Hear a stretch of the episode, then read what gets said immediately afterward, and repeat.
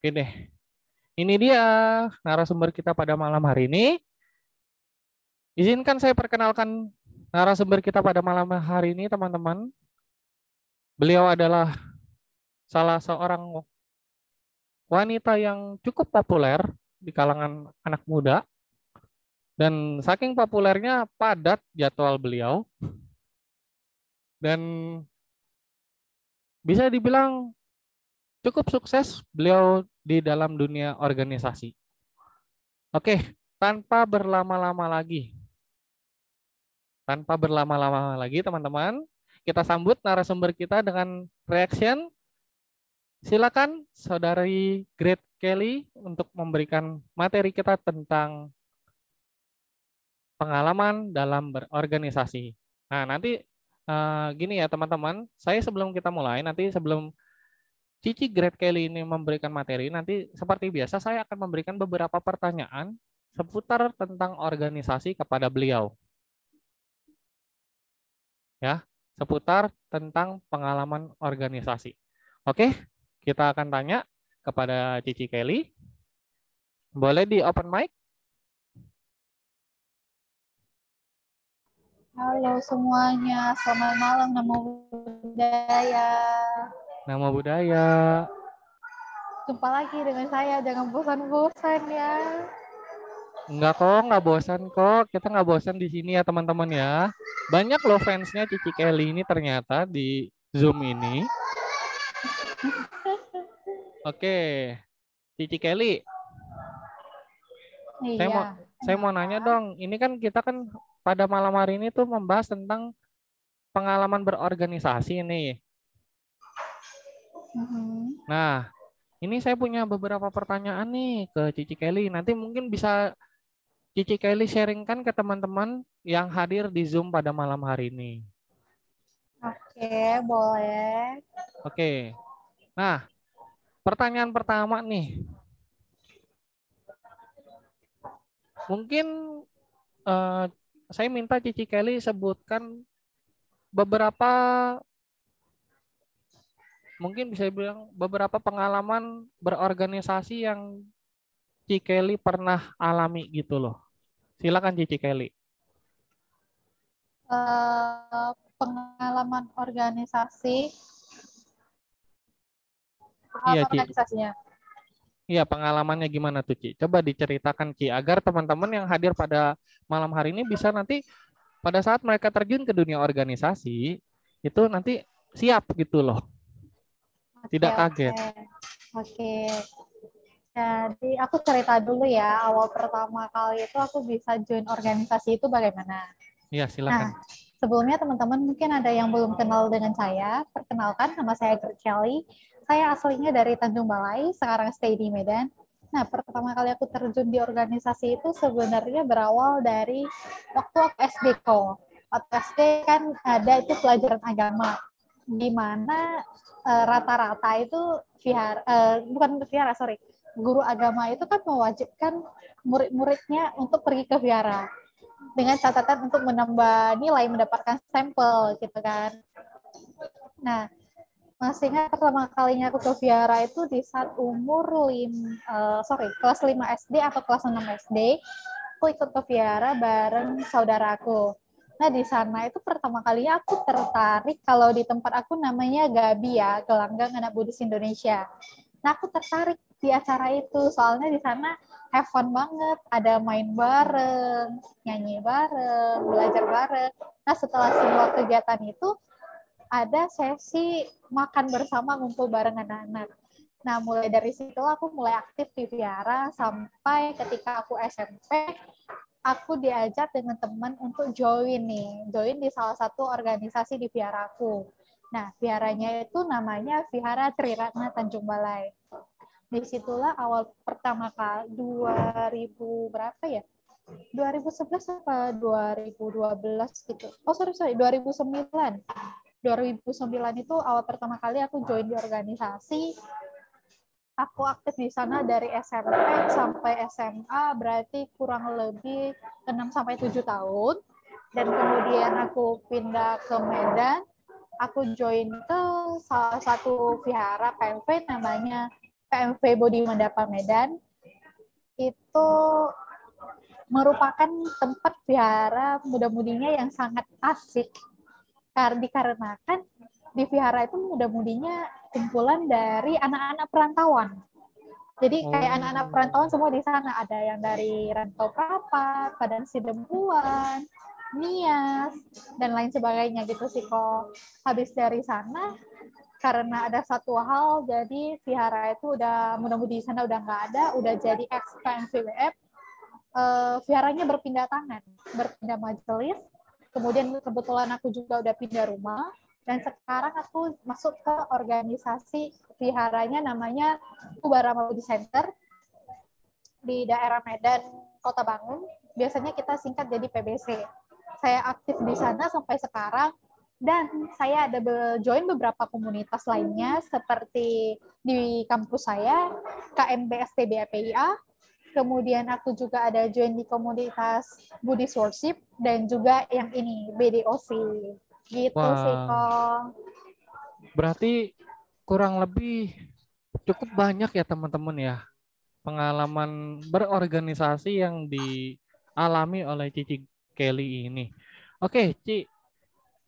Selain kan kita tahu ya Ci ya, Cici kan eh, mungkin mengawali bisa dibilang mengawali organisasi itu mungkin dari kecil ya Ci ya. Ya dari ya bisa dibilang dari kelas 1 SMP 2009. Oh, dari 2009 ya Ci ya. Iya. Nah, gini, eh, kalau boleh tahu nih, Ci, kan mungkin Cici kan eh, sekarang cukup aktif ya, cukup aktif di organisasi nih. Nah, kalau boleh tahu nih, kalau misalkan seandainya Cici em, yang ya bisa dibilang yang mendirikan atau bisa dibilang founder dari misal salah satu komunitas nih misalkan gitu. ya kita ambil contoh seperti itu. Nah, kalau dari Cici sendiri mungkin ada gak sih cara yang baik itu untuk mengelola organisasi tersebut agar or- organisasi tersebut tetap eksis gitu loh, Ci. Jadi tidak langsung misalnya cuma bagaikan soda yang wah di awal tapi lama-lama tenggelam dan hilang gitu. Mungkin ada gak Ci? Maksudnya tips untuk teman-teman yang hadir di sini nih ya Ci ya. Kan pasti mereka juga join nih di beberapa organisasi. Nah, seandainya Cici sebagai foundernya atau sebagai pemilik atau pendiri dari organisasi tersebut, boleh gak dibagikan bagaimana sih caranya untuk mengelola organisasi tersebut agar tidak hilang seperti itu.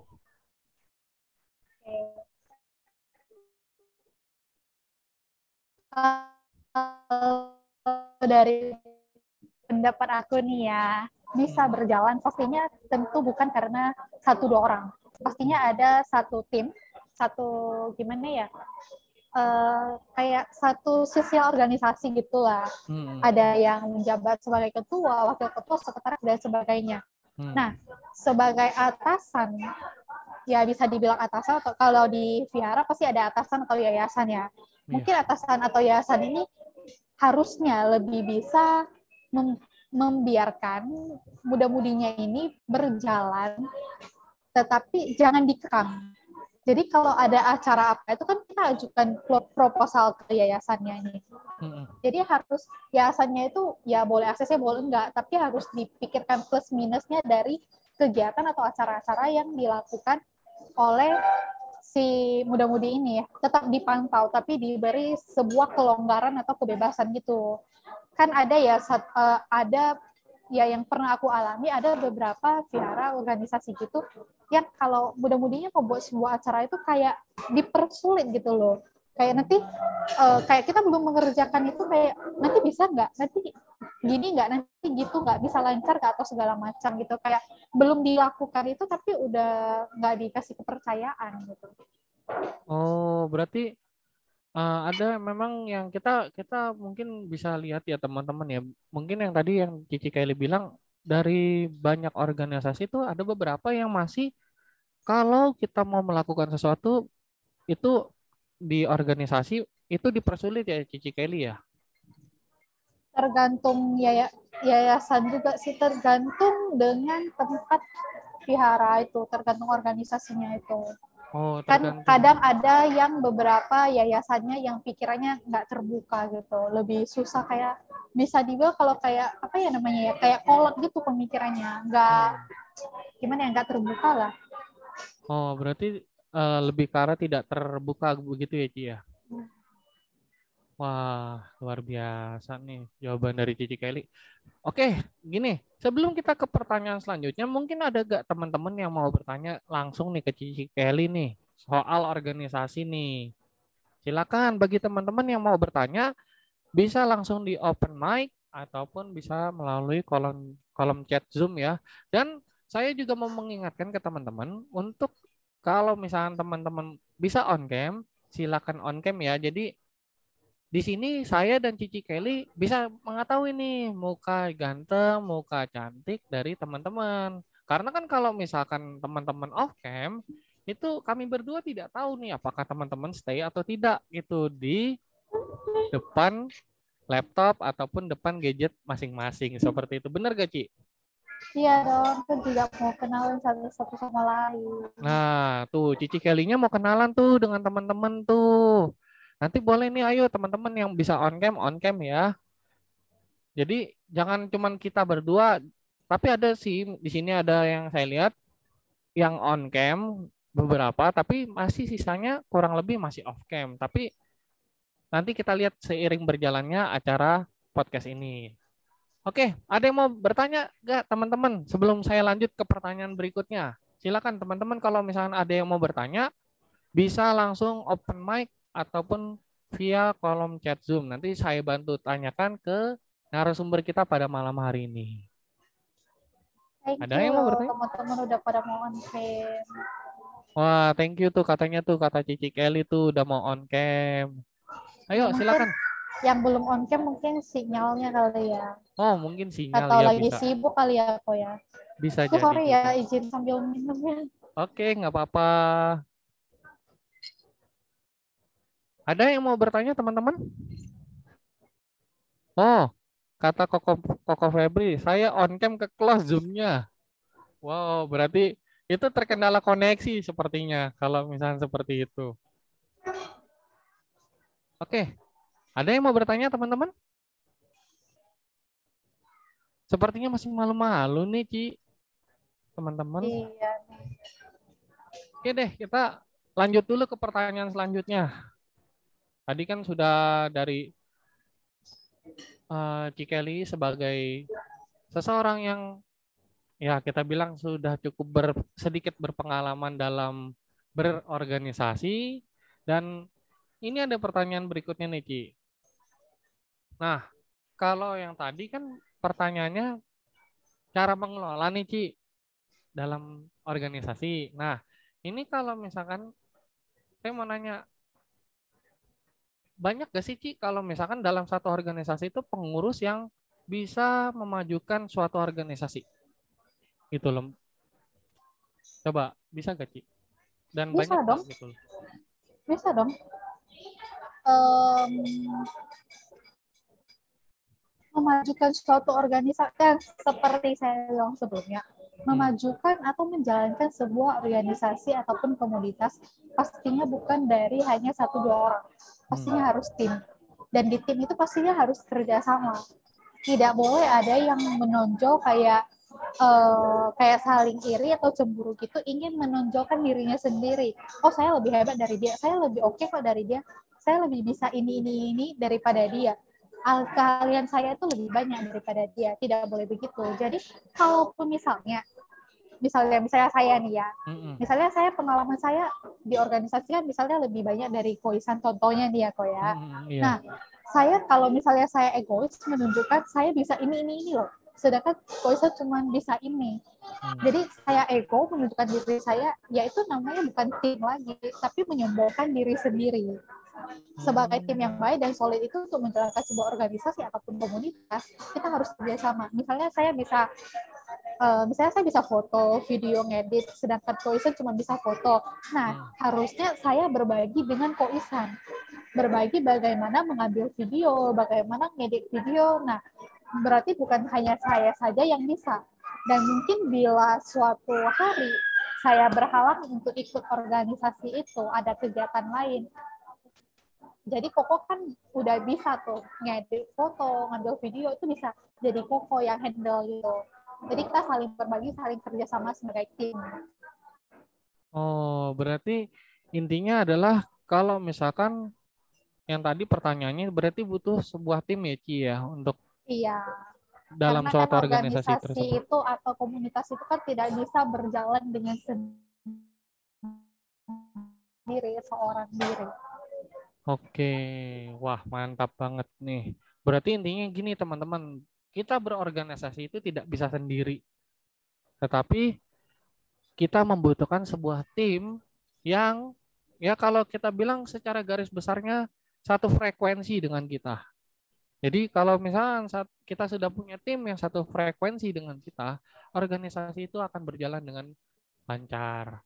Oke, Wah, ini sudah tiga nih pertanyaan yang terjawab oleh Cici Kelly. Oke. Ada yang Cici Kelly nanya nih, tapi nanti saya jawab ya Ci ya. Tenang Ci. Pokoknya sampai teman-teman atau sampai pertanyaan ini cukup gitu loh. Oke, kita lanjut. Tapi sebelum kita lanjut, saya mau nanya nih ke teman-teman yang on cam. Apakah ada teman-teman yang mau bertanya ke narasumber kita pada malam hari ini? Sebelum saya lanjut ke pertanyaan berikutnya. Silakan bisa open mic ataupun bisa melalui kolom chat Zoom ya teman-teman.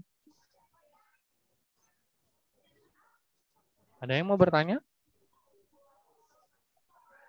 Sepertinya masih malu-malu, Ci. Iya. Oke deh. Oh iya teman-teman, intinya gini. Saya mau menginfokan juga bahwa nanti kita di podcast ini, di acara podcast mantul ini, setiap minggunya bakal ada tema-tema yang menarik dan juga bakal banyak sekali podcaster dan juga narasumber yang tidak kalah tidak kalah kece dengan kami berdua pada malam hari ini. Dan kalau misalnya teman-teman mau bertanya, intinya saya persilakan kepada teman-teman yang mau bertanya secara langsung kepada narasumber bisa langsung raise hand dan juga open mic ataupun bisa melalui kolom chat Zoom ya. Saya hanya mereminder teman-teman. Oke, karena masih belum ada pertanyaan, saya lanjut ke pertanyaan berikutnya untuk Cici Kelly. Yaitu kalau langkah awal kita dalam berorganisasi itu gimana sih, Ci? Boleh dijawab? Langkah awal kita kalau mau berorganisasi. Ini langkah awal maksudnya gimana nih? Jadi gini, misalkan kita sudah ada nih Ci, tim. Kita sudah ada nih timnya. Nah, itu gimana tuh caranya kita memulai start lah ibaratnya dalam uh, memulai organisasi tersebut. Kalau menurut uh, pendapat Cici gimana tuh Ci? Langkah awal. Uh, aku memulai sebuah organisasi itu kan udah ada timnya udah terbentuk. Hmm. balik lagi ke visi misi dari organisasi tersebut. Visi misinya apa? Jadi dijalankan sesuai dengan visi misinya. Dan juga kalau misalnya mau berjalan dengan lancar tetap berkelanjutan harus dibuat program kerja misalnya dalam satu uh, misalnya dalam satu organisasi itu kebanyakan kan pasti ada masa jabatannya berapa tahun berapa tahun. Hmm. contohnya dua tahun lah. Nah uh, program kerjanya itu di satu tahun ini apa aja gitu loh. Apa yang mau dibuat? Misalnya ada acara yang dilakukan tiga bulan sekali ada acara yang dilakukan satu bulan sekali ataupun ada acara yang dilakukan mingguan. Contohnya yang di mingguan itu misalnya di setiap hari Minggu puja bakti bersama, hmm. ataupun contohnya yang dalam tiga bulan sekali itu mungkin bisa donor darah atau function dan lain sebagainya sih. Kembali ke visi misi organisasi tersebut dan bagaimana program kerjanya mereka. Oh, jadi berarti intinya pada saat kita uh, mau mau mau memulai langkah awalnya itu kita kembali lagi lihat visi misi dari organisasi tersebut ya Ci ya. Iya, karena kan setiap organisasi atau komunitas itu pasti visi misinya berbeda, program kerjanya mereka itu juga berbeda-beda. Oke deh. Siap, siap. Ayo teman-teman, jangan ragu. Jika memang teman-teman ada yang mau bertanya secara langsung, saya tidak bosan-bosannya mengingatkan ke teman-teman, silakan bisa langsung open mic ataupun bisa chat melalui kolom Zoom nanti chatnya akan coba saya bantu bacakan pertanyaan dari teman-teman. Tidak usah ragu teman-teman. Ayo silakan, mumpung kita bisa tanya-tanya nih ke Cici Kelly yang sudah cukup banyak uh, asam garam dalam berorganisasinya seperti itu. Karena pengalaman Cici Kelly ini cukup banyak teman-teman dari SMP sudah ber, memulai langkah berorganisasinya. Ayo teman-teman masih ada yang mau coba untuk bertanya secara langsung sebelum saya lanjut kembali? Dan jangan bosan-bosan ya teman-teman jika mendengarkan uh, saya berbicara seperti ini. Oke, ada yang raise nih, Ci. Silakan, Koko Hendra. Ya, uh, semuanya uh, selamat malam nama budaya. Ya, nama budaya. Uh, uh, mau nanya nih, tadi kan kalau nggak salah Kelly bilang kan ikut banyak juga ya organisasi Buddhis hmm. kan uh, sama juga nih. Kan aku kuliah kan kayak banyak juga nih ikut organisasi kayak KMB juga. Terus semenjak libur ya udah aku pikir supaya kegiatannya tetap positif ikutlah sama kayak BW Bidok sama KP juga. Nah cuman kayak semenjak kan baru seminggu ini udah mulai kuliah nih. Tapi kayaknya udah banyak tugas nih. Tapi kayak tadi si Kelly ikut banyak organisasi itu Buddhis tuh gimana ya cara ngaturnya gitu maksudnya? Kan kayak pengen misalkan jadi host nah itu gimana tuh cara ngaturnya? Tapi di sisi lain di kuliah juga banyak project nih nah, thank you. Oke okay, thank you Koko Hendra. Silakan langsung dijawab Cici Kelly. Pertanyaan dari Koko Hendra. Saya rangkum ya berarti maksudnya Koko Hendra ini bagaimana mengatur jadwal meskipun mengikuti berbagai be, mengikuti banyak sekali komunitas atau organisasi itu ya. Iya, betul. Oke. Nah, kalau aku pribadi untuk saat ini organisasi yang aku aktif itu uh, di Muda-Mudi Ubarama Budi Center, Sekber PSPBI Sumatera Utara, komunitas Buddhist Worship dan BDOC. Jadi ada empat. Nah, kebetulan saya juga lagi dalam proses pembuat pembuatan skripsi. Untuk mengatur jadwalnya, kalau saya sendiri, kan kadang kan ada nge-host di komunitas ini, di organisasi ini. Atur jadwal dulu sih. Misalnya di minggu ini, aku kosongnya cuma bisa di uh, di BW. Nah, kalau misalnya ada jadwal yang bentrok juga di acara BW, misalnya kita katakan BW acaranya hari Sabtu jam 7 malam. Nah, di BDOC juga ada acara Sabtu jam 7 malam. Karena saya dulu udah buat janji di BDOC, eh sorry, di BW, berarti sore ini saya nggak bisa join di BDOC. Mungkin untuk minggu depannya saya buat lagi jadwal saya di BDOC, berarti saya nggak ikut yang di BW kalau misalnya ada jadwal yang bentrok lebih mengutamakan di mana pertama kalinya kita membuat janji sih sama pandai-pandai waktu lah pandai-pandai ngatur waktu. Kalau memang nggak bisa ya jangan dipaksa gitu loh. Utamakan yang lebih prioritas dan utamakan yang sudah dijanjikan terlebih dahulu. Itu sih kalau akunya. Ya gimana kok Hendra? Jawaban dari Cici Kelly? Terjawab sih Makasih ya. Oke, okay, sama-sama. Thank you Koko Hendra atas jawab atas pertanyaannya. Oke, okay, teman-teman.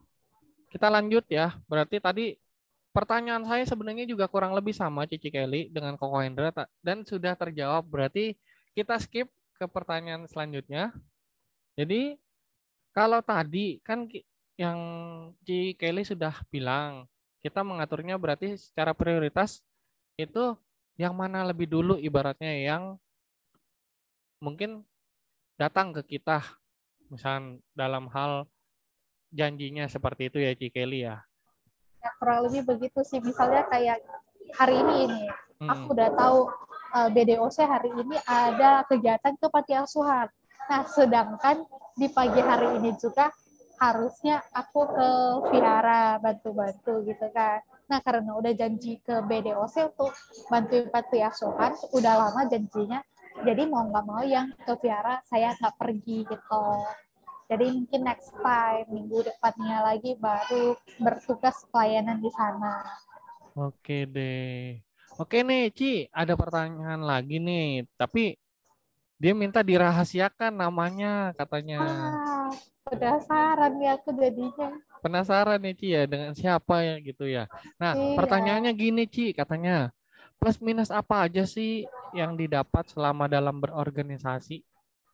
Silakan Cici Kelly.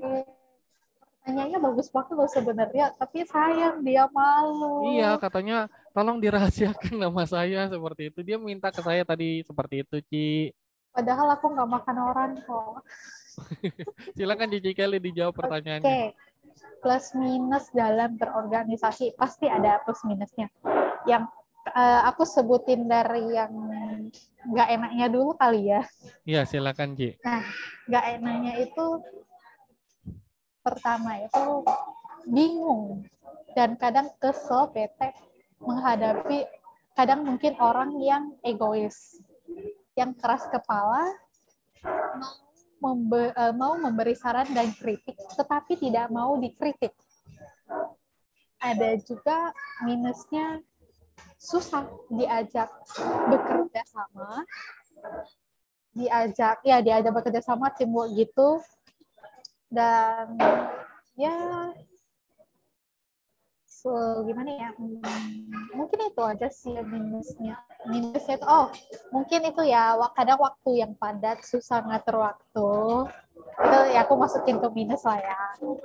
Terus kalau plusnya itu yang pertama pasti menambah real real re- sorry relasi teman-teman pertama kalian minta pertama pengetahuan tentang organisasi bagaimana berorganisasi dengan baik dan benar bagaimana karena kan di organisasi itu kayak kita belajar sebelum terjun ke dunia luar kayak mungkin dunia pekerjaan dan lain sebagainya. Dan juga tentunya plusnya berorganisasi itu kita selain membantu pelayanan melayani kita juga nambah wawasan. Baik wawasan dalam dama public speaking, bagaimana mengontrol diri, diri kita menjadi lebih baik. Itu sih kok kalau dari akunya. Oke deh. Nah, itu berarti jawaban dari Cici Kelly ya untuk plus minusnya ya. Tadi untuk Koko yang ra- rahasia yang dirahasiakan namanya. Padahal tadi Cici Kelly mau loh, mau tahu loh siapa, tapi karena tadi sudah ada permintaan untuk dirahasiakan siapakah sosok dari yang bertanya. Jadi ya kita maklumilah seperti itu. Oke, thank you atas pertanyaannya tadi untuk sosok yang dirahasiakan ya. Wah, masih banyak nih pertanyaan-pertanyaan yang saya mau tanyakan ke Cici Kelly soal berorganisasi. Tapi saya tidak bosan-bosan kembali mengingatkan ke teman-teman untuk kalau bisa silakan teman-teman bisa di on cam kan kameranya karena biar yang tadi Cici Kelly bisa lihat siapa nih maksudnya teman-teman cantik atau yang ganteng gitu loh. Ayo teman-teman, jadi tidak hanya kita berdua yang on cam gitu. Nanti kita nanti berhadapan dengan siapa gitu loh. Tapi teman-teman yang em, mau off cam tidak jadi masalah juga. Kita tidak paksakan untuk on cam. Wah, sudah ada yang on cam nih. Ya, Oke, mungkin jika teman-teman ada yang mau bertanya secara langsung ke Cici Kelly, silakan ya, bisa langsung on mic ya, atau bisa melalui kolom chat Zoom. Adakah yang mau bertanya secara langsung ke Cici Kelly? Silakan.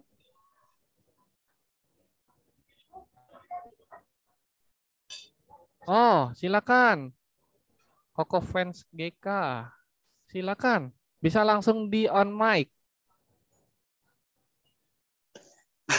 Oke, selamat malam semuanya, Namo Buddhaya. Malam, Namo Buddhaya. Ya. Ini aku uh, nanya sih sama GK, uh, tadi kan kalau nggak salah dengar kan udah banyak banget ikut komunitas atau organisasi ya. Uh, kalau misalkan kamu menjadi ketua seandainya dan kalau ketua kan pasti dihadapkan sebuah kayak uh, sebuah case atau pertanyaan. Nah, gimana sih caranya kamu untuk mengambil jalan tengahnya dan mengambil keputusannya biar nggak timpang sebelah? Terima kasih. Oke, silakan Cici Kelly. Sudah jelaskan pertanyaannya dari Koko ganteng kita ini? Oke, kalau jadi jelas jelas jelas, jelas Ya. Silakan Cici Kelly. Kalau jadi ketua sih aku cuma pernah jadi ketua bidang. Kalau ketua muda-mudi atau sebagainya belum pernah. Tapi pengen coba sih. Karena kayak sebuah tantangan tersendiri gitu ya. Cuma takut juga dan dekat juga. Nah, untuk membuat mengambil keputusan supaya tidak tumpang tindih, nah tergantung dulu masalahnya tuh yang pertama masalah yang pertama masalahnya apa Nah, setelah udah tahu permasalahannya itu apa, yang kedua dibuat ke diskusi. Kalau saya ketua, pasti kan ada saya punya wakil ketua dan punya anggota-anggota. Nah, aku lebih suka uh, bukan menyebutnya anggota, tapi tim saya, tim. Nah, berarti saya ada wakil ketua dan tim. Sebelum saya membawa permasalahan ini, menyelesaikan masalah ini ke tim, saya berdiskusi dulu kepada wakil ketua saya. Nah, kita bahas dulu bagaimana terus bawa ke forum dengan tim-timnya ini. Kalau misalnya masih dibawa ke dalam forum, ke dalam tim, masih belum selesai masalahnya tersebut. Terus kita bertanya kepada tim, saya bertanya kepada tim, kepada tim, pendapat mereka masing-masing bagaimana dan masih belum ada keputusannya supaya fair uh, apa namanya polling sih lebih ke polling sih jadi apa namanya uh, hasil polling polling terbanyak itulah yang akan kita pilih. Contohnya misalnya gini, contohnya kita mau merayakan Hari Waisak. Kita bingung nih, lokasinya di mana, bagusnya di mana, susunan acaranya bagaimana, segala macamnya bagaimana. Jadi mungkin ada beberapa hal yang dalam forum itu nggak bisa langsung selesai. Kita diskusi-diskusi dulu, baru ngambil polling. Misalnya kayak udah ada nih, si A bilang, oh hari hari uh, hari waisanya mau dibuat segini gini gini sedangkan yang satu lagi oh kayak kurang keren deh harus ada musiknya ada performanya gini gini, gini. nah kita kita polling nih di dalam tim itu. Nah menurut teman-teman bagusnya gimana ya? Waisak acara waisak kita berjalan seperti biasa-biasa saja sebelumnya atau kita mengikuti um, saran dari teman kita nih ada performanya. Nah kita polling lah itu dengan pilihan hari raya Waisaknya dilakukan acaranya seperti biasa atau yang kedua dengan performa. Jika hasil polling performanya lebih banyak, ya udah berarti hari raya Waisak yang akan kita lakukan nantinya itu ada performanya. Gitu sih kalau dari aku ya. Thank you. Semoga menjawab pertanyaannya. Thank you jawabannya, Gika.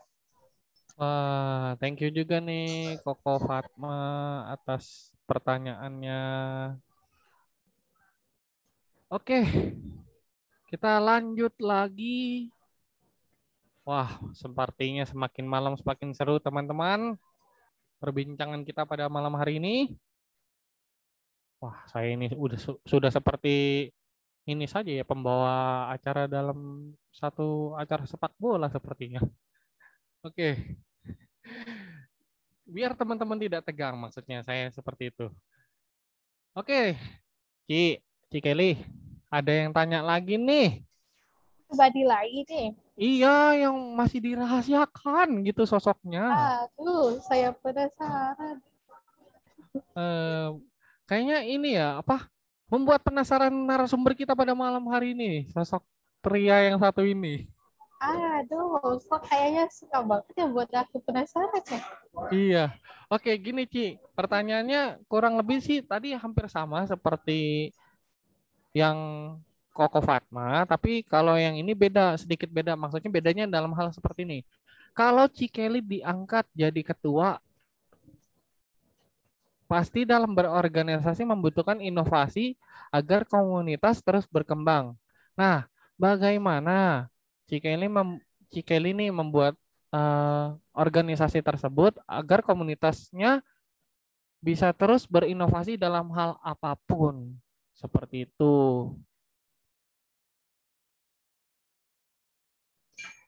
Kalau berinovasi ya, tentunya kita harus up to date nih. Hmm. Harus mengikuti perkembangan zaman. Ada apa harus tahu gitu.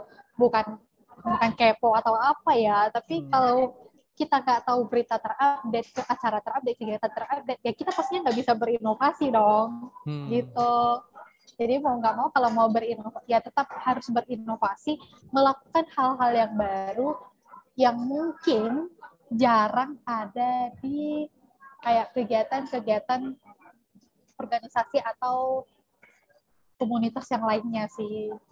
Mungkin kayak bisa aja kalau yang kayak saat ini dan sebelumnya yang mungkin tidak apa ya tidak termakan oleh zaman gitu ya kayak misalnya Mobile Legend nih hmm. nah bisa aja kayak turnamen Mobile Legend di komunitas itu atau apa yang penting acaranya itu berinovatif bermacam-macam baru ada hal-hal yang baru gitu loh jadi biar bisa berjalan terus Oh. Yang penting harus kreatif juga sih, harus kreatif. Intinya berarti harus kreatif ya Ci ya? Iya harus kreatif mengikuti perkembangan zaman juga harus up to date lah. Oh berarti harus kreatif dan harus up to date mengikuti perkembangan zaman seperti itu untuk sosok pria yang masih dirahasiakan namanya hingga membuat narasumber kita pada malam hari ini penasaran siapakah sosok pria ini seperti itu. Oke, thank you banget pertanyaannya teman-teman dan masih banyak dan kita semakin malam ini semakin seru ya ternyata ya teman-teman ya dalam acara podcast Mantul ini.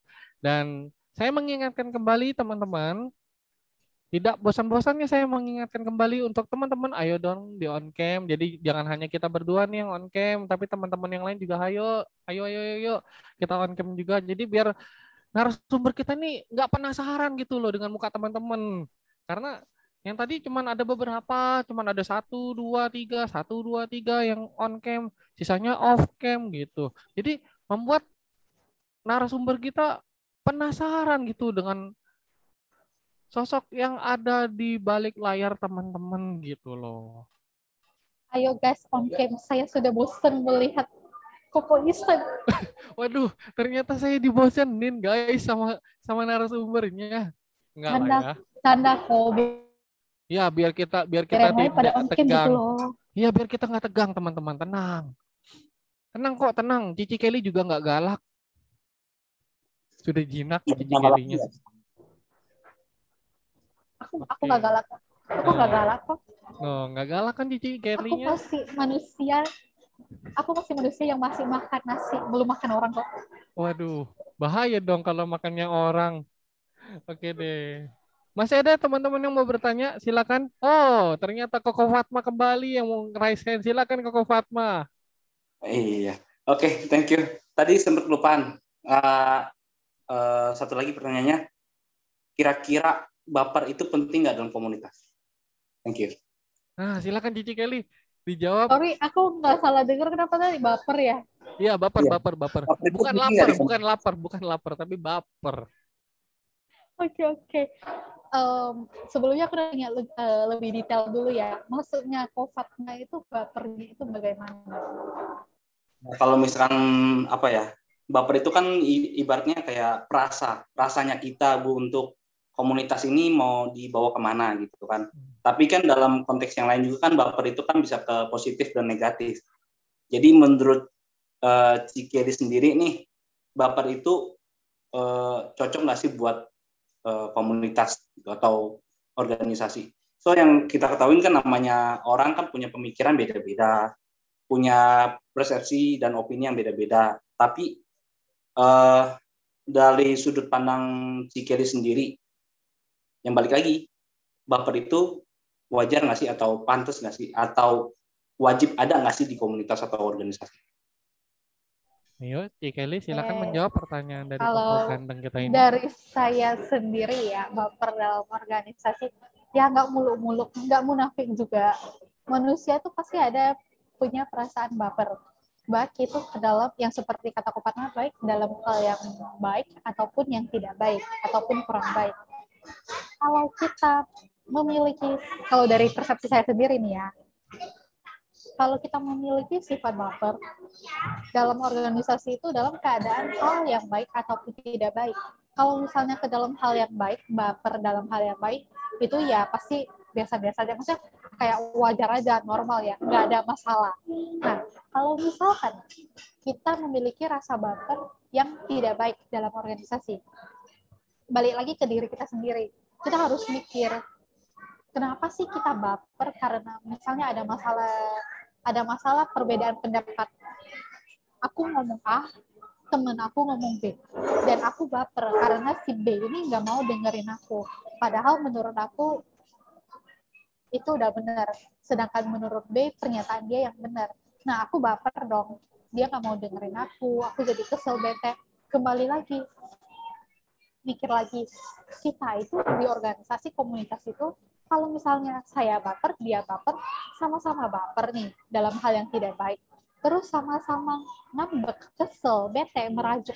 Nggak mau saling minta jadinya nggak ada komunikasi yang baik nih. Pada nggak mau ngalah. Tentunya jadi baper kita itu yang tidak baik itu mempengaruhi kerjasama kita mempenga- mempengaruhi teamwork kita. Jadinya susah berkomunikasi dan apa pun kegiatan yang akan kita lakukan itu menjadi tidak lancar ataupun sangat susah untuk lancar. Karena komunikasi aja tuh nggak bisa gitu loh. Balik lagi kita mikir dulu dari kita sendiri. Kenapa sih kita harus baper? Toh rugi loh kalau kita baper dalam hal yang tidak baik. Kan jadi kita kehilangan satu kalenamita gitu kan? Nah setelah kita kehilangan satu kalenamita itu organisasi kita jadi amburadul nggak lancar. Apa pun kegiatan yang kita lakukan itu jadi kayak ada gapnya jadi nggak enak gitu loh. Jadi kalau baper yang tidak baik itu ya dikurang-kurangi. Kalau bisa dihilangkan gitu loh. Kita harus lebih dewasa di dalam menanggapi sesuatu segala hal itu. Jadi kalau kayak masalah kecil atau apa baper boleh tapi kayak ya udah bentar aja habis itu hilangin aja rasa bapernya gitu. Karena kan rugi sendiri sih kalau kita baper-baper apalagi ke yang tidak baik gitu ya itu sih kalau menurut aku Oke, gimana Koko Fatma atas jawaban dari Cici Kelly? Oke. Puas. Terima kasih Kelly. Oke, thank you juga. Thank you, Koko. Iya. Atas pertanyaan yang luar biasa. Wah, bener nih teman-teman. Semakin malam, semakin banyak sekali pertanyaan yang wow, luar biasa. nih topiknya sekarang. eh, pertanyaannya makin lama makin berat ya kau ya? Ternyata mengakui juga ternyata Cici Kelly kita ini. Semakin malam semakin berat pertanyaannya. Tapi terjawab juga gitu loh. Berarti pengetahuan dari Cici Kelly ini sudah wah kita acungin jempol deh. Wah katanya memacu ad- adrenalin ya Cici Kelly ya. Oke oke deh Ci ini masih ada pertanyaan yang masih sama masih menjadi misteri sosok orang yang masih dirahasiakan ini. Jadi dia nanyanya gini. Pertanyaan ketiga dari sosok eh, orang ini adalah gini. Ci Kelly pernah baper gak sih sama Koko atau adik-adik di komunitas? Silakan. aduh ini baper apanya dulu kan banyak hal yang bisa dibaperin ayo ayo lebih spesifik ayo Ayo, silakan untuk sosok pria yang Donko sosok pria yang Oh, tapi ini- membuat pertanyaan.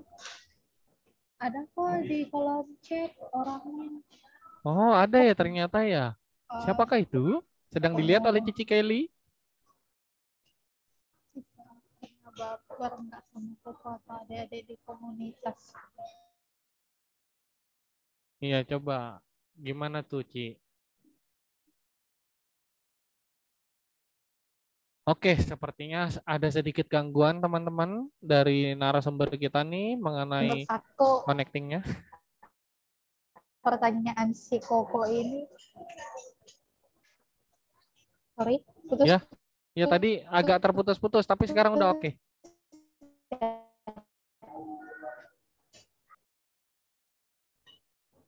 Ya, ya, coba ya. aku on cam Silakan. lagi ya coba aku on lagi ya Oke, siap. oke Nah. halo Sudah, sudah jelas, sudah jelas. oke sorry ya nah karena aku kurang tahu pertanyaan si Kokomodo ini spesifiknya bagaimana. Jadi aku jawab aja sesuai dengan hasil penafsiran saya sendiri ya.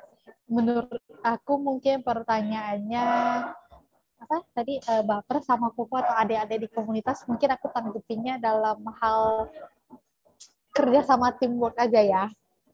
Semoga menjawab ya kokomodo kalau baper sama adik-adik ataupun kokoh-kokoh dalam komunitas pasti pernah. Namanya juga aku masih manusia aku masih memiliki rasa baper aku mas- masih manusia yang normal gitu loh. Pernah pernah baper sama teman-teman di komunitas. Ya bapernya itu kayak gimana ya Eh, kadang kesel bete bete gitu kan. Kayak lagi diskusi ditanya pendapat. Nah udah saya sampaikan tapi dia kayak menyelap menyelap pertanyaan ataupun menyelap pendapat saya padahal yang saya sampaikan belum selesai. Nah di situ kadang saya baper jengkel dengan dia kesel bete gitu.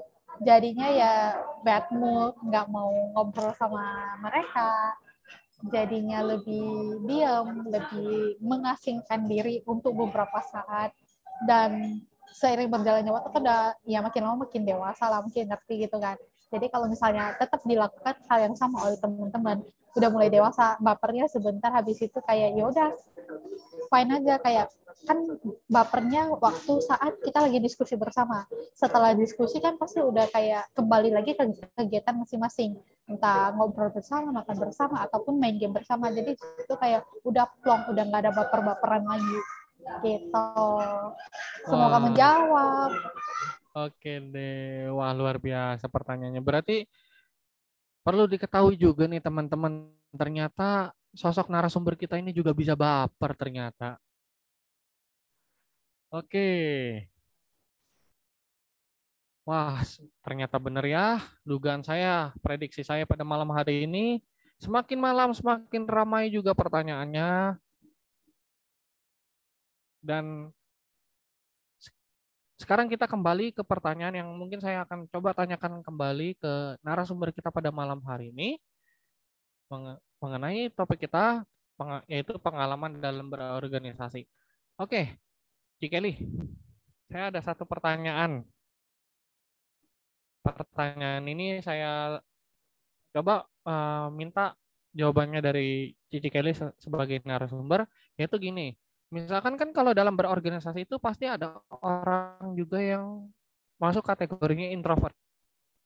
Nah, kalau seperti itu, misalkan ada yang seperti itu, bagaimana nih caranya? Mungkin ya kita bisa bilang orang yang introvert ini bisa dibilang eh, bisa satu frekuensi kalau kita dalam berorganisasi seperti itu. Coba boleh dijawab Cici Kelly?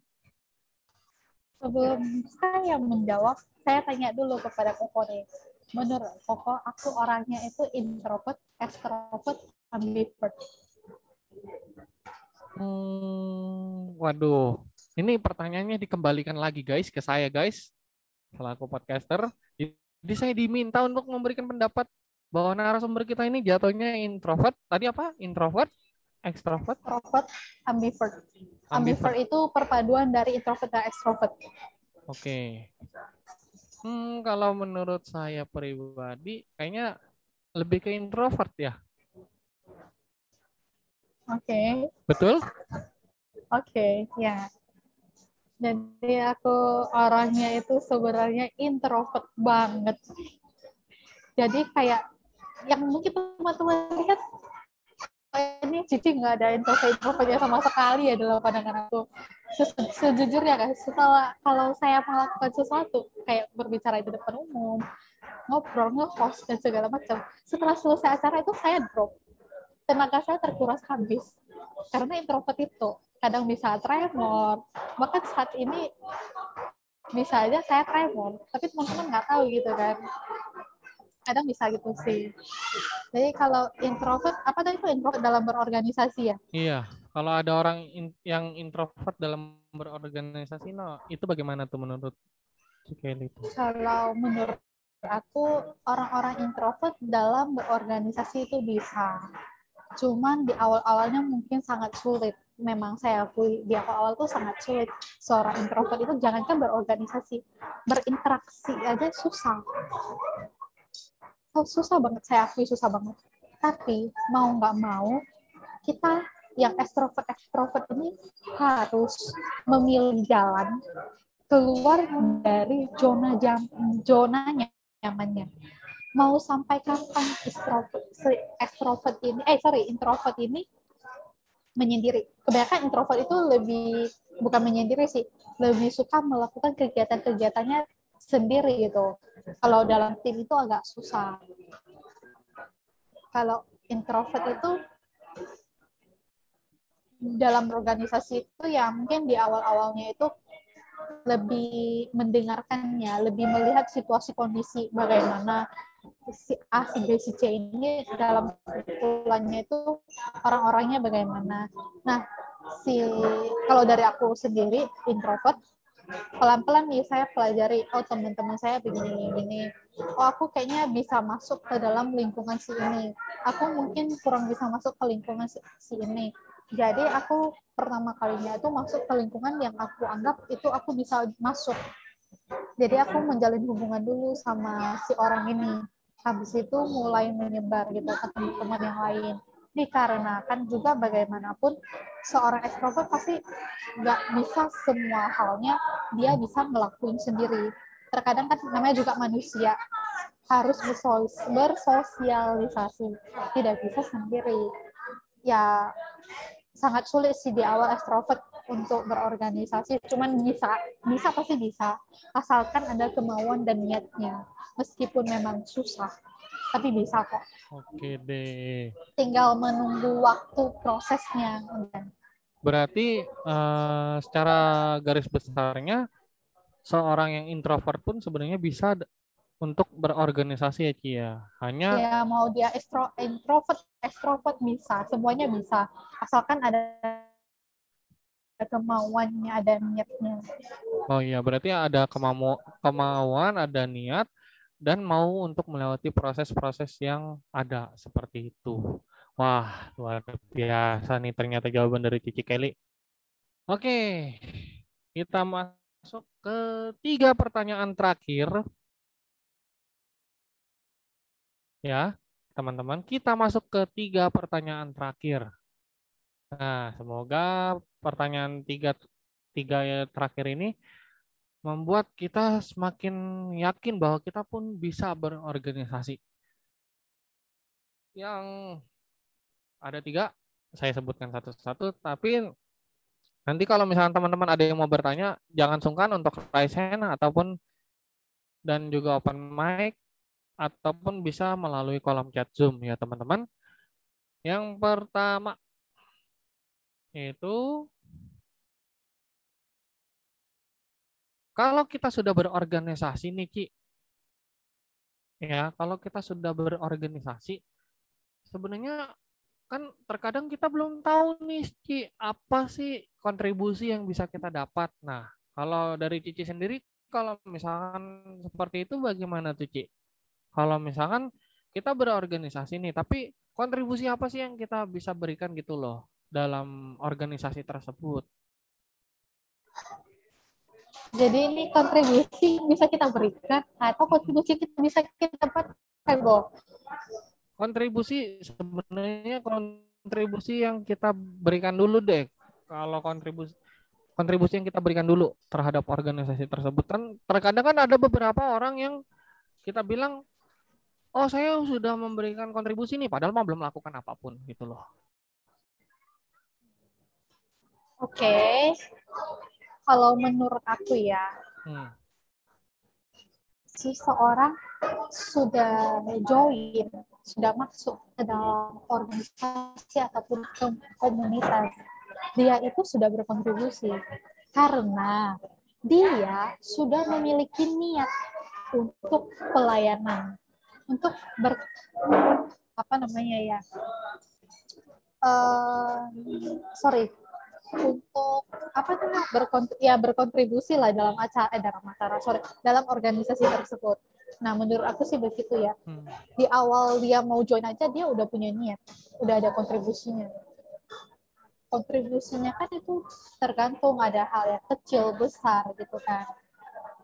Kadang persepsi teman-teman dalam sebuah komunitas berkontribusi itu ketika dia membantu dalam sebuah acara ataupun dalam sebuah kegiatan. Sedangkan sebenarnya ketika teman-teman kayak misalnya ada misalnya di hari Minggu ada puja bakti. Nah, ada teman-teman yang menyiapkan mungkin paitiannya, gongnya, buku karitanya, mencari narasumber dhamma di sana, penceramanya, mengajak teman-teman untuk join ke dalam puja baktinya, itu sebenarnya sudah berkontribusi. Cuman kadang banyak teman-teman yang tidak menyadari hari hal itu.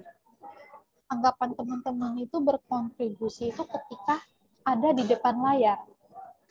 Ibaratnya ada di depan layar. Sedangkan sebenarnya banyak sekali orang-orang teman-teman dalam organisasi atau komunitas tersebut berkontribusinya di belakang layar. Contohnya, menyiapkan PPT, menyiapkan lagu-lagu yang akan didengarkan waktu puja bakti. Ataupun kayak ini kan kita lagi pandemi nih kebanyakan semua kegiatan dilakukan online. Ada banyak teman-teman yang bekerja di belakang layar. Contohnya menggerakkan atau menampilkan OBS membuat desain poster virtual background dan lain sebagainya.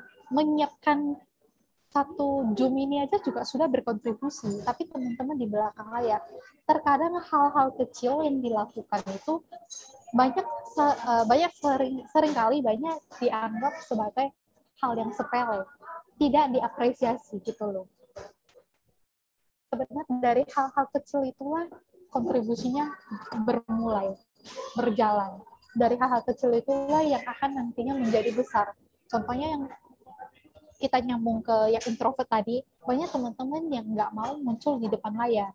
Jadi mereka bisa, uh, lebih senang bekerja membantu pelayanannya di belakang layar. Contohnya mungkin kayak yang tadi, bisa desain poster, desain background, mempersiapkan Zoom, OBS, PPT, segala macam. Itu sih menurut aku kok. Oke, berarti secara garis besarnya sebenarnya dari hal-hal yang kecil yang mungkin kita uh, selama ini tidak menyadari itu sebenarnya juga sudah termasuk kontribusi ya Ci ya? Iya, benar banget Pak. Oke deh, siap. Jadi teman-teman, uh, misalkan kita dalam berorganisasi yang tadi seperti yang dibilang oleh Ci Kelly, terkadang memang kita membutuhkan pasti maksudnya kita tidak menyadari ada hal-hal kecil yang sudah kita lakukan yang sebenarnya itu sudah menjadikan itu sebagai sebuah kontribusi gitu loh, kontribusi dalam satu kegiatan atau satu event yang diadakan di hari itu. Jadi kita harus menyadari bahwa kontribusi sekecil apa pun itu sudah atau misalnya hal-hal kecil apa pun itu sudah menjadi kontribusi ya teman-teman ya. Jadi jangan sampai kita tidak menyadari hal-hal seperti itu. Dan kita ke pertanyaan Selanjutnya tinggal dua lagi teman-teman. Ya. Karena waktu juga sudah menunjukkan pukul 8, kita akan masuk ke dua pertanyaan terakhir yaitu uh, coba deh saya minta ke Cikeli mungkin kan yang namanya berorganisasi itu ada komponen-komponen penting. Nah, Boleh gak nih Cikeli sebutkan tiga komponen penting dalam sebuah organisasi?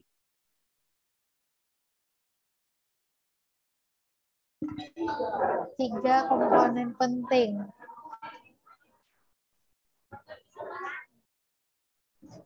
Yang pertama, komunikasi dengan pemahaman. Yang kedua, kerjasama. Yang ketiga, tidak egois atau mementingkan diri sendiri. Oke, kalau menurut aku. Kenapa aku bilang komunikasi dengan pemahaman? Karena pada dasarnya semua orang tahu mau ber, uh, dengan teman, sahabat, pasangan, ataupun dalam organisasi komunitas, komunikasi itu memang hal yang paling penting. Tetapi kalau cuma komunikasi saja, tidak dengan pemahaman, itu juga tidak bagus, tidak bakalan lancar sih. Kayak kita komunikasi, saling berbicara dua arah, tetapi tidak saling memahami. Buat apa gitu loh. Jadi nggak dapat apa yang dikomunikasikan itu. Kayak misalnya kalau kita ngobrol-ngobrol gini, oh udah, udah ngomongnya udah, aku mau ini, kamu mau itu, oke kita lakukan. Tapi nggak dipahami yang mungkin jadi persepsi sendiri, bukan jadi komunikasi yang telah disetujui secara bersama. Gitu sih kok. Wah, berarti tadi sudah disebutkan ya teman-teman ya, tiga komponen penting jika kita berorganisasi. Tadi sudah disebutkan ya teman-teman ya. Mohon diingat jangan setelah keluar dari Zoom itu atau setelah selesai acara podcast kita pada malam hari ini, teman-teman lupa gitu tiga komponen penting apa sih dalam berorganisasi tersebut. Oke. Dan kita masuk ke this is the last question Ya, jadi kita masuk ke pertanyaan terakhir, teman-teman. Karena tanpa terasa ya kurang lebih dari ya selama kurang lebih hampir satu jam kita berada di acara podcast mantul ini sudah banyak sekali pertanyaan-pertanyaan yang tadi Cici Kelly pun sampai bilang ini pertanyaan makin malam makin berat gitu guys. Ya, habis ini sepertinya Cici Kelly akan melambaikan tangan ke kamera. Saya nyerah, saya nyerah. Oh, bukan ya. Itu itu acara sebelah ya. Oke. Kita masuk ke pertanyaan terakhir, Ci. Nah, kalau tadi kan saya minta Cici kan sebutkan tiga komponen penting tuh dalam berorganisasi. Nah, pertanyaan terakhirnya gampang tapi nggak tahu ya, apakah ini masuk kategori super berat? Seperti itu. Oke, kita kalau misalnya semoga bisa menjawab ya. Waduh, semoga bisa menjawab seperti itu. Oke, mudah-mudahan bisa menjawab ya teman-teman ya. Kita doakan sama-sama supaya Cici, Cici Kelly bisa menjawab pertanyaan ini. Jadi gini, ini pertanyaannya mungkin sederhana tapi bagi saya pas uh, maksudnya cukup sedikit berat. Sedikit, sedikit berat. Nah, gini, kita kalau misalnya sudah masuk berorganisasi itu kan pasti punya tujuan nih. Nah, kalau dari pandangan Cici Kelly sendiri, kalau misalnya Cici Kelly masuk ke organisasi atau ke sebuah organisasi tujuannya apa? Seperti itu. Karena kan kita pasti memiliki tujuan yang berbeda-beda seperti itu. Kalau dari aku pribadi, tujuan aku untuk join organisasi itu, yang pertama aku nggak mulu-mulu sih, nggak mulu untuk relasi yang pertama ya. Karena kalau dari aku sendiri nambah relasi itu mungkin kadang susah ya, kadang susah. Jadi setelah join komunitas itu nambah relasinya lebih banyak. Jadi saling tahu punya teman-teman dari berbagai daerah bahkan sampai dari uh, yang beda negara. Nah, yang kedua itu sebenarnya aku mm, menambah daman juga terus menem, memperdalam mempelajari harus memperdalam untuk soft skill ataupun hard skill dan juga memperdalam apa ya namanya memperdalam skill yang udah ada aku miliki Terus aku mengikuti organisasi untuk berbagi kepada teman-teman aku yang lainnya. Apa yang bisa aku bagikan, apa yang aku tahu, kalau bisa dibagikan, dibagi gitu. Itu sih kok. Oke, berarti intinya kalau kita berorganisasi, uh, kalau yang tadi si Kelly bilangnya uh, mungkin dia tidak muluk-muluk ya teman-teman ya kalau mau join ke sebuah organisasi. Tapi terkadang gini Ci, ini saya masih berlanjut pertanyaan ini. Terkadang kan ada yang menem, uh, saya menemukan bahwa di suatu organisasi itu ada orang yang kita bilang dia itu ya secara garis besarnya ada tujuan tertentu. Gitu. Ada tujuan ada. tertentu. Nah, kalau misalkan ada tujuan tertentu dalam tim kita dalam berorganisasi itu, nah itu bagaimana tuh Ci? Uh, uh, sebagai misal kita sebagai yang sudah berkecimpung dulu nih di organisasi tersebut. Kalau dari pandangan Cici bagaimana tuh? Kalau dari aku nih, karena kebanyakan temen-temennya aku yang aku tahu di awalnya itu dia join ke dalam organisasi atau komunitas itu karena ingin mencari pasangan, terutama untuk yang cowok-cowok nih ya.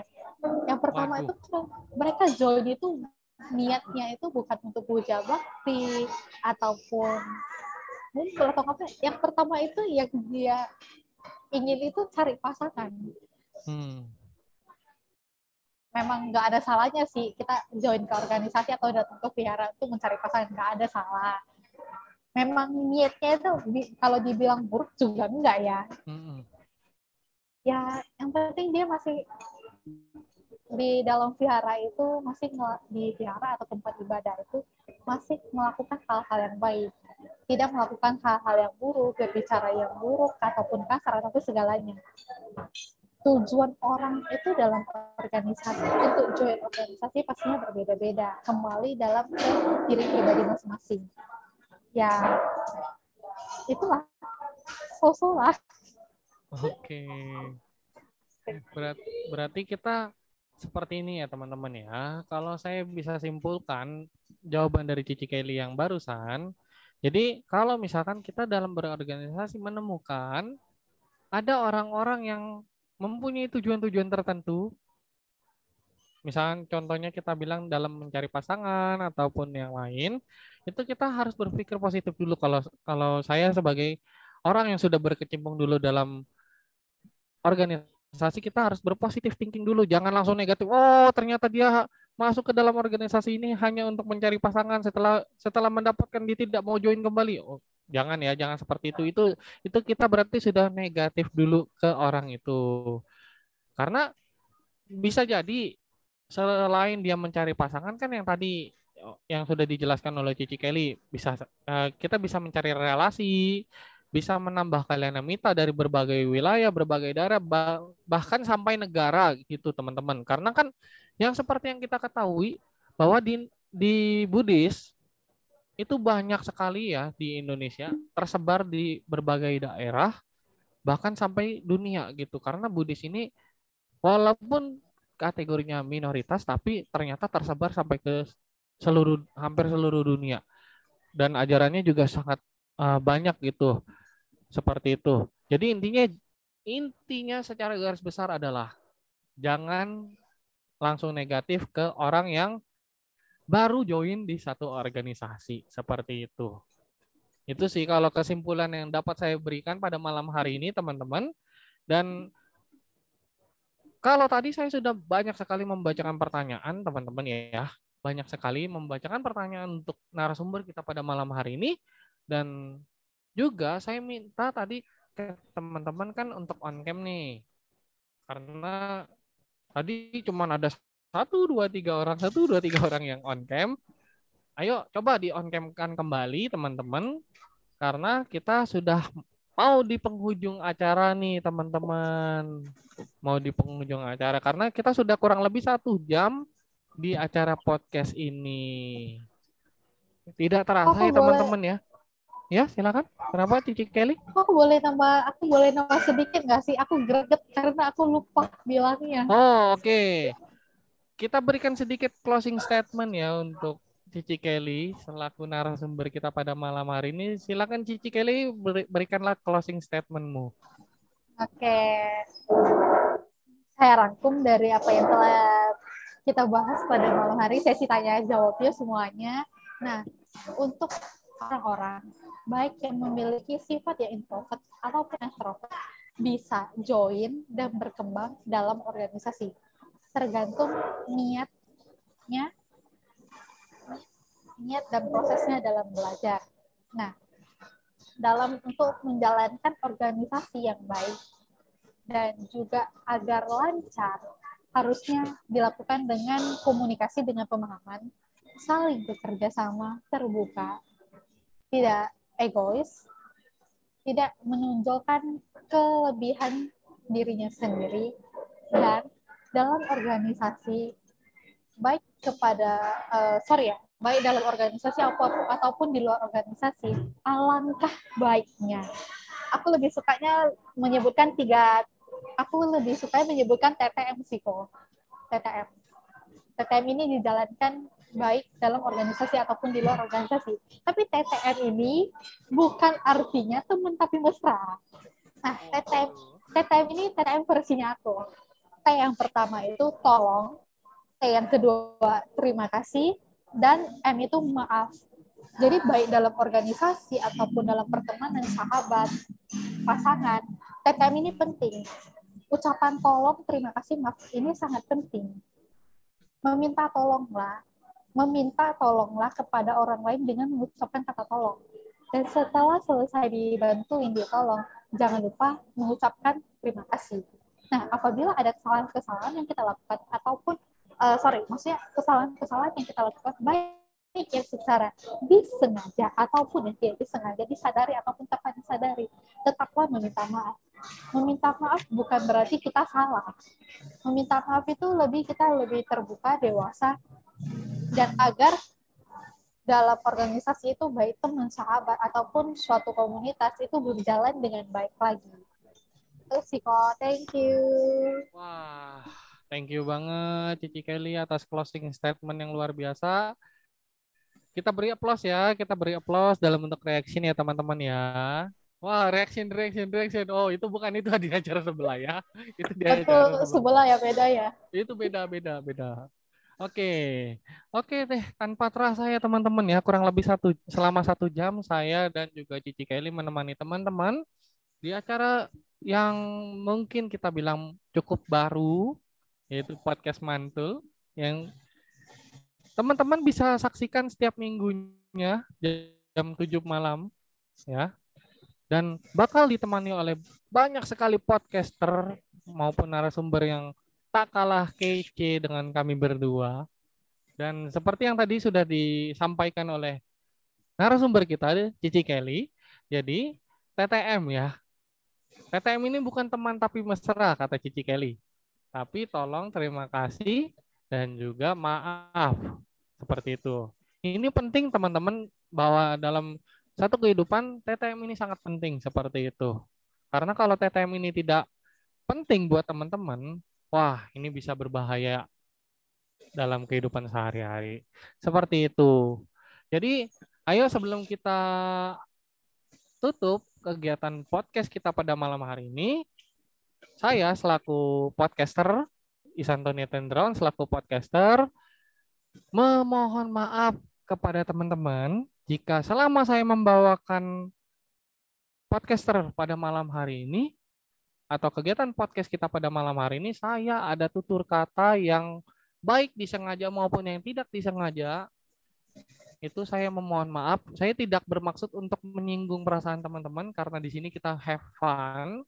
Ya teman-teman ya kita have fun bareng-bareng. Dan tadi thank you banget juga buat teman-teman yang sudah berpartisipasi aktif dalam bertanya baik itu secara chat ataupun secara langsung bahkan sampai tadi membuat narasumber kita penasaran dengan sosok pria yang siapakah yang bertanya tapi namanya dirahasiakan gitu loh. Tapi itu membuat uh, bisa dibilang bisa dibilang ya, itu membuat narasumber kita itu penasaran seperti itu.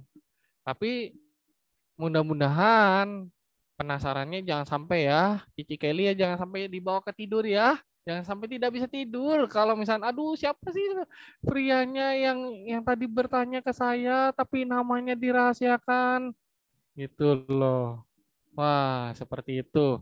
Jadi intinya saya sekali lagi uh, mengatakan memohon maaf kepada teman-teman yang hadir di Zoom ini selama kurang lebih satu jam ini ada 14 partisipan di, di minusin dua selain saya dan juga Cici Kelly sebagai narasumber, berarti ada 12 partisipan yang cukup aktif yang mau mendengarkan ya kalau bahasa ya bahasa sedikit kasarnya ocehan kami berdua dari tadi selama satu jam.